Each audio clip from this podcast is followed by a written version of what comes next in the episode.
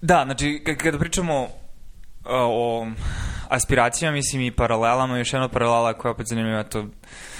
koju sam juče naišao ono prolazeći pored nekog stakla na kojem je bilo nešto stavljeno kao neki dezen i bilo je pitanje da li je to nalepnica ili je naslikano i naziv za nalepnicu na engleskom je decal i onda je se javlja pitanje odakle ta reč vodi i poreklo i onda kad deluje, ne deluje kao cela reč, da je kao deo reči, zato što jeste deo reči, onda pomisliš pa DKL zvuči dosta moderno, tehnološki možda i 20. veku, ali onda pogledaš, a ne, to je bio 18. vek, gle čuda, za vreme industrijske revolucije, gde su ljudi pokušavali na različite načine da demokratizuju stvari koje su bile dostupne samo elitama, poput boja za tekstil, poput različitih ono, načina da dođeš do energije, um, hrane um, i Francuz koji je živio u Velikoj Britaniji u to vreme napravio met, met, metod dekalkomanije, preslikavanja na a, porcelan i on je u 19. veku u Americi on, navodno postojala čitava manija vezana za to, a totalno mogu da vidim to kao a, jedan novi nivo demokratizacije u smislu samo su elite imali pristup a, porcelanskom posluđu koje je imalo nešto naslikano na njemu od strane a, artizana, od strane a, znači majstora, ali sa ovim procesom možeš da kopiraš i da a, u velikoj meri umnožiš i da to bude dovoljno vizualno slično, iako ne isto i samim tim um, s jedne strane mogu da vidim kako se na to gledalo snishodljivo, jer to nije to, ali sa druge strane je bilo dovoljno moćno i dovoljno ljudi želo da može da stavlja stvari, uključujući nalepnice, da je to sada sve prisutno, tako da nalepnica koju staviš na svoj laptop ili vinil kojim pokriješ svoj auto, se, svi vode a, uh, isto poreklo od iste tehnologije i zanimljivo je kako se tako a, stvari koje su nekad bile zatvorene teh, malim tehnološkim revolucijama a, dalje dalje a, otvaraju a, vrata svim pripadnicima populacije a, i na neki način to je možda optimistični deo svega toga. A druga stvar, stvar koja se ti postavim pitanje, um, ako ja nemam jasan, jasnu intuiciju, a opet ne znam da li a, da li smo o ovome pričali, a tiče se dakle samog momenta tvog čvrstog stava na temu a, moderne, po znacima navoda, arhitekture a, i brutalističke arhitekture i komunističke arhitekture, što a, da li je estetika sama po sebi jedna nepromenljiva vrednost kroz vreme, tako da kada gledaš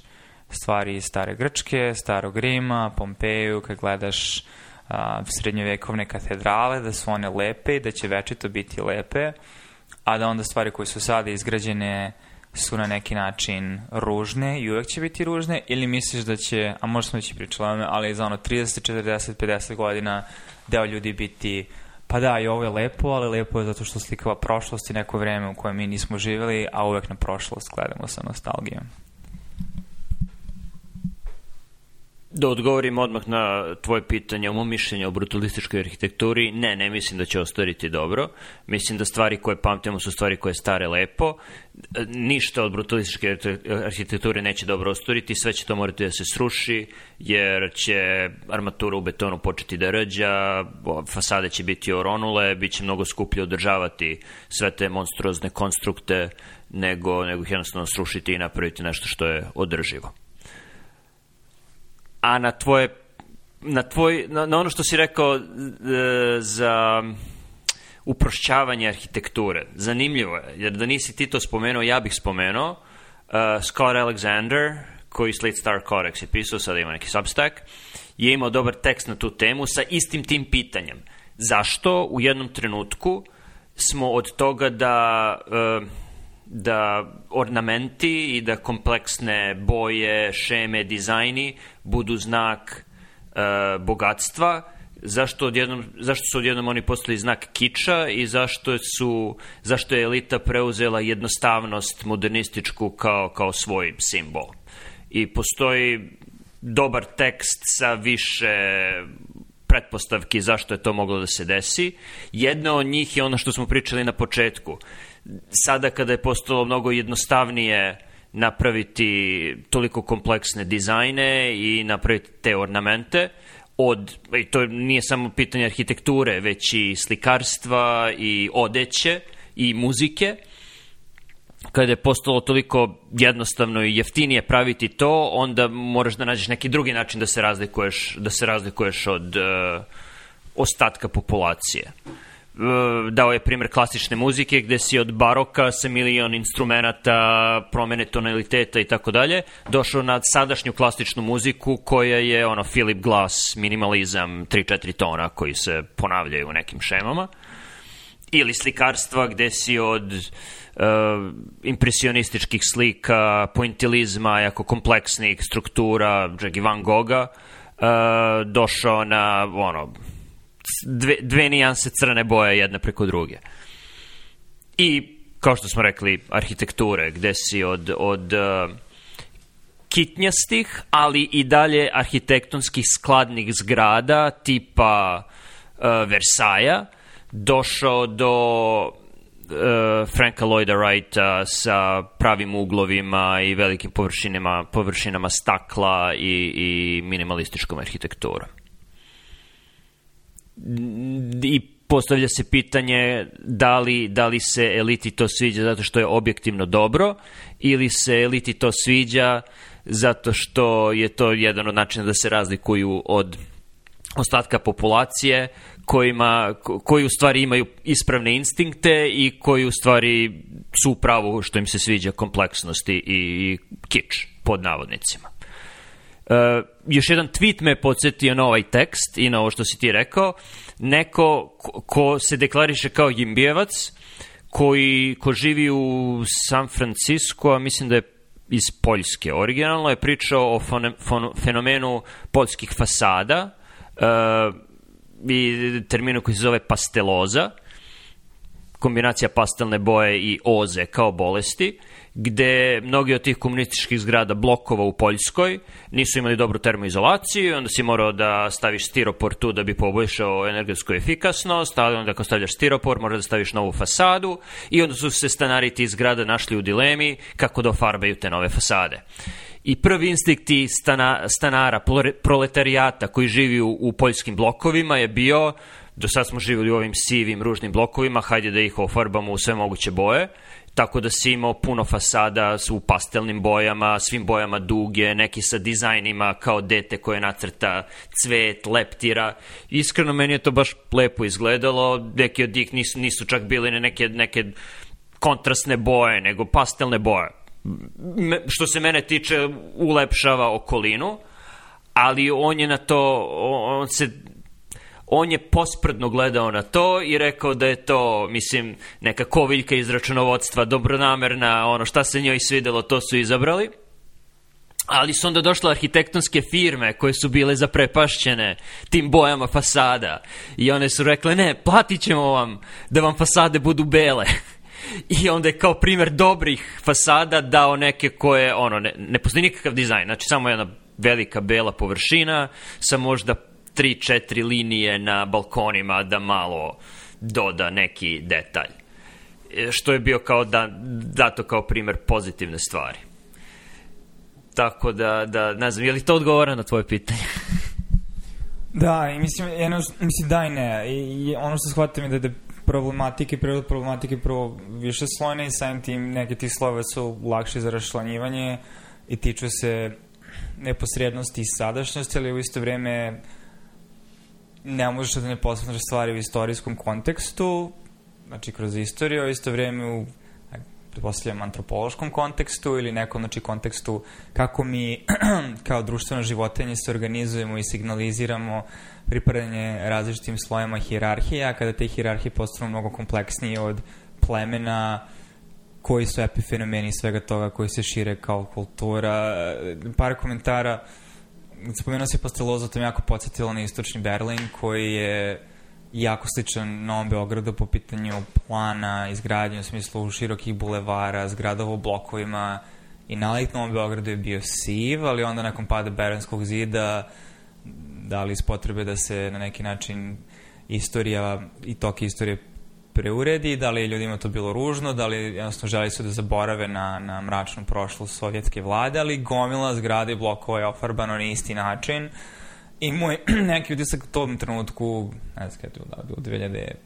2011 ili što već, je bio da, pa dobro, ako već moraš da održiš ove blokove, zašto bi bili sivi, što ne bi bili u nekim malo radosnim bojama, ali opet da tu se poslije pitanje, pa da li drečavo žuto ili drečavo crveno, možda ne, ali da, pastelne boje su generalno, postoji razlog zašto su pastelne boje popularne, to je zato što nude neki estetski moment, a opet ne napadaju čula, ne, ne uzbuđuju previše. Uh, I postoji razlog zašto su jarko crvene boje takve i zašto ih koristimo za signale u određenim situacijama. A druga stvar koja se tiče cikličnosti, mislim da se tu pogodio i to sad ono, ne, ne znam da li imam jasnu ideju o tome šta je objektivna, šta je objektivno estetski superiornije, šta nije. Ne, ne, neka moja intuicija je da u velikoj meri uh, postoje estetske linije u svakom pravcu, ali da uh, ono što je ugrađeno u estetski sud jeste signaliziranje i s obzirom da elite uglavnom imaju, ne uglavnom, gotovo isključivo imaju moć a, da ograniče dostupnost stvarima s obzirom da stvar koju imaju jeste novac i bogatstvo i isto vreme a, gospodare glasilima poput a, eh, medija ili šta li ja znam u isto vreme, i u isto vreme signalizira ljudima koji žele da budu dete elite koje su pravila igre da na neki način se uvek javlja taj ciklus i ta komunikacija. Baš, znači, kad se krenuo pričati sistem je pao pamet. Baroklasicizam i gomila drugih a, primjera kroz istoriju. Istorija mi je palo primjer da kuća Kanye i, i, i, i Kim, Kanye West i Kim Kardashian od pre par godina dok su još bili zajedno je bila jedna odvratna grobnica u kojoj, ne znam da si video to, ali bukvalno kupili su baš ono neku minimalističku kuću. Pitanje je da li je to kuću koju su oni živjeli, to kuću koju su doveli, razumeš, Vanity Fair da ih snima, ali je uh, potpuno ogoljeni sivi zidovi, nema nameštaja, nema polica, izgledalo je kao, kao pećina koja je samo urađena da ima glatke zidove. Um, ali mislim da je to u stvari razlog tome baš to, znači kontrasignal, signal zato što je ostatak populacije previše zašao u jednu ideju o estetici, onda ti moraš da bi signalizirao da nisi deo te populacije, da uradiš nešto kontra, a, protiv toga. A, I mislim da kao i u modi, kao i u drugim aspektima, ti ciklusi će se kontinuirano a, razvijati kao način komunikacije dok svi zajedno dolazimo do, do nekog opšteg zaključka. A, I možda još jedna paralela koja mi je u stvari pala na pamet, a, um, u jednom trenutku je to da način signaliziranja tvoje aspiracije znaš imaš ono nove riš nove riš se oblači kitnjasto garderoba je previše glasna i to je ono imaš ono stereotip barem ovde ali na neki način i u Srbiji mislim u Srbiji je to bilo patike koje ljudi ne mogu da nose garderoba koju ljudi ne mogu da nose toga ima sad i u Srbiji um, patike su bile 90-ih, ali um, ovde ono, hip-hop stereotip da ono, nosiš kajle, one sa gomilom dijamanata, dijamanti u minđušama, dijamanti, ili sportisti generalno, ali to uglavnom isto komunicira klasu ljudi, pogotovo ako je to recimo neko iz um, znači etničke grupaci poput crnaca koji su živeli u getu i onda postanu NBA superstar i onda da bi komunicirao svoj novi klasni status, ljudi ono kupuju dijamantske stvari. Mislim, to nema veze samo s tim i on, Conor McGregor isto ono, troši nenormalne pare na sat i šta ti ja znam. I to neko može interpretira, pogotovo neko ko je ono iz neke porodice starog novca koji su imali ono kraljevske pretke na Habsburzima i u Nemačkoj, šta ti ja znam, kao vrlo kitnjasto, a, jer u stvari ti ne treba da se razbacuješ novcem i postoje drugi način na koje komuniciraš, mnogo minimalističniji načini. Ali jedan paralela koji meni sada pada na pamet, a koji je do neki način sada ima veze sa tehnološkim stupnjem, ali pitanje je koliko tu upliva ova estetika, jeste plastična hirurgija i koliko um, ono, dobra plastična hirurgija je ona koju ne primetiš da je plastična hirurgija i da trenutno postoji kompeticija i pitanje kako će se to odraziti nas na naš fenotip i kako će deca izgledati i kako će to biti, koji će to ulogu imati u našem društvu. To je ono što me malo plaši, ali možda više plaši zato što je nešto što je meni strano. Um, ali on, svi ljudi u Hollywoodu ili većina njih su imali neku vrstu intervencije. Um, najbolji su oni na kojima ne možeš da primetiš, ali kad vidiš njihove slike od pre 10 godina, shvatiš da postoje neke minimalne razlike, ali to su razlike u smislu ono, hajde da ti skinemo parča nosa debljine jednog milimetra. Znači, dovoljno da uspostaviš dodatnu simetriju lica. Problem u... Uh, ne problem, ali ono što je zanimljivo kada na to gledaš sa strane uh, aspiracije je da ljudi koji imaju uh, manje novca i manje pristup kvalitetnim estetskim hirurzima, a isto vreme žele da signaliziraju da pripade toj klasi, se onda javljaju nešto što bi neko mogo da interpretira uh, i da gleda to kao na grotesknu interpretaciju te estetike, što i tekako vidimo u Srbiji, i po istočnoj Evropi, i Rusiji, a čak i ovde, a to je sad neki novi moment estetike. Ovde je više moment nenormalno dugačkih noktiju, nenormalno očigledno velikih ustih veštačkih trepavica i uh, veštačkih implantiranih a, zadnjica, ali u Srbiji tekako su isto napumpane usne, fileri u jagodicama, a, skidanje brade, pravljenje profila vilice, gde sad imaš situaciju gde dosta poznatih ili nazovi poznatih a, zvezda u, u, u Srbiji izgledaju vrlo slično i pitanje je koliko je to estetski prijemčivo, ali da postoji signalizacija u svemu tome postoji. Isto i sa zubima. To je malo više pristup, pristup, dost, um, prisutno ovde, a i na neki način samim tim pristupačnije, to što su ljudi spremni da obrijaju bukvalno svoje zube da bi stavili one navlake, one veneers, mada toga sad imaju u Srbiji, gde meni jako je teško imati taj dobar posao da ne izgleda kao da imaš veštačke zube poput George Washingtona. Mislim, primjer mi je Miley Cyrus. Znaš, ima gomila takvih primjera gde jednostavno ti zubi izgledaju veštački beli, ali ono, imaš, imaš ljude koji, opet, pitanje, odlična estetska hirurgija je nešto što ti ne primećuješ. Ali zanimljiva je da samo bila ta paralela te aspiracije da ti da bi signalizirao da želiš da pripadaš višoj klasi malo pretaraš u tome, ali za detu balans, da li je možda i samo ne, nedostupnost dobrih operacija ili u isto vreme ti želiš da... I koliko će to sad biti deo kako pošto ono, sad raditi botoks i raditi filere dostupno velikom delu populacije, kako će to izgledati za 10 godina, ne znam, ali uh, a, je zanimljivo gledati tu novu dinamiku koja se sad javlja u komunikaciji između elite i proletarijata ili plebza, nazove kako hoćeš. Svi primjeri koji si dao u, u poslednjem komentaru bili su vezani za žensku estetsku hirurgiju, koliko sam shvatio. A, meni je čudno, spomenuo si Habsburge i ti koji, ne, ne znam, sada su, i, imaju imaju neke veze genološke sa, sa, Habsbur, sa Habsburzima sada, sme, smeju se kiču hip-hopera, ali njihovi preci u 18. veku su bili mnogo kitnjasti, za boga, bogataši su nosili perike, stavljali puder na lice i samo što nisu paunovo perje stavljali na zadnjice, muškarci, ne žene. U kom trenutku su muškarci prešli iz toga da to bude simbol statusa klase bogatstva u to da ne samo da ne treba da štrčiš, nego je Hudi postao onaj duk sa, ka, sa kapuljačom i pocepane farmerke su postale više simbol nego čak i odelo koje sad može bilo ko da nosi. A, da, nisam spomenuo možda i muški estetski moment koji je možda malo sada manje zastupljen i definitivno postoji talas. Opet, ako želiš da vidiš u kom smeru stvari idu ili koje mogu da idu, gledaj Hollywood i gledaj Marvel univerzum kod muškaraca, ono kako ja to sad vidim, način na koji ti signaliziraš pripadnost um, eliti u tome što, kao što je bilo ono, kada si bio bogat u 19. veku, nisi radio u polju, te sam tvoja koža bila porcelanski bela, dok su ljudi radnici imali uh, ten imali ovaj, pocrnili od sunca, sada je obrnuto. Znači, ljudi koji rade kao dronovi u kancelarijama imaju bleđi ten i deficijenciju vitamina D, dok bogataši idu po Majamiju, Kaliforniji i sunčaju se u decembru i onda dođu u januaru sa tenom. Um, ali moment koji se tiče muškaraca koji opet signalizira višak slobodnog vremena, kao na to da si ti pripadnik a, više klase je znači, kvalitetnija ishrana i višak fizičke aktivnosti koji dovodi do hipermaskulinizacije i određene nove estetike a, muškog tela, a, što mi jako zanima da u društvima u kojima postoji potencijalno najviše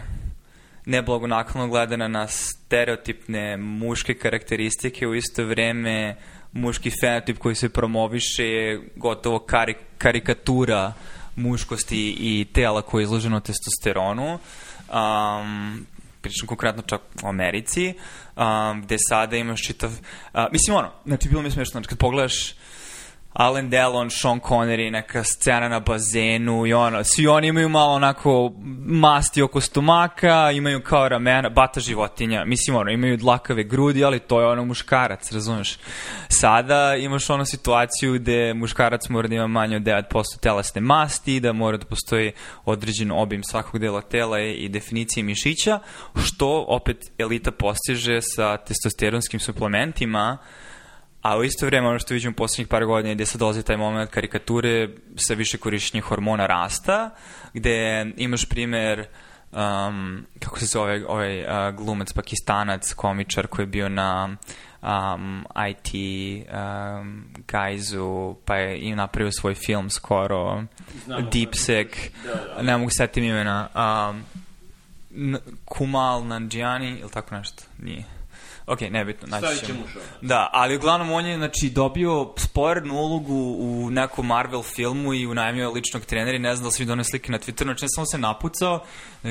njegovo lice se izmenilo i tu u velikoj meri, naravno, ne postoji dalje zvanična literatura na tome zašto sve to se koristi i paraklinički, ali je to da hormon rasta, što znam kod odrasli kad si izužen, dovodi do akromegalije, povećavaju, znači stvari na kome ti nisu zatvorene epifize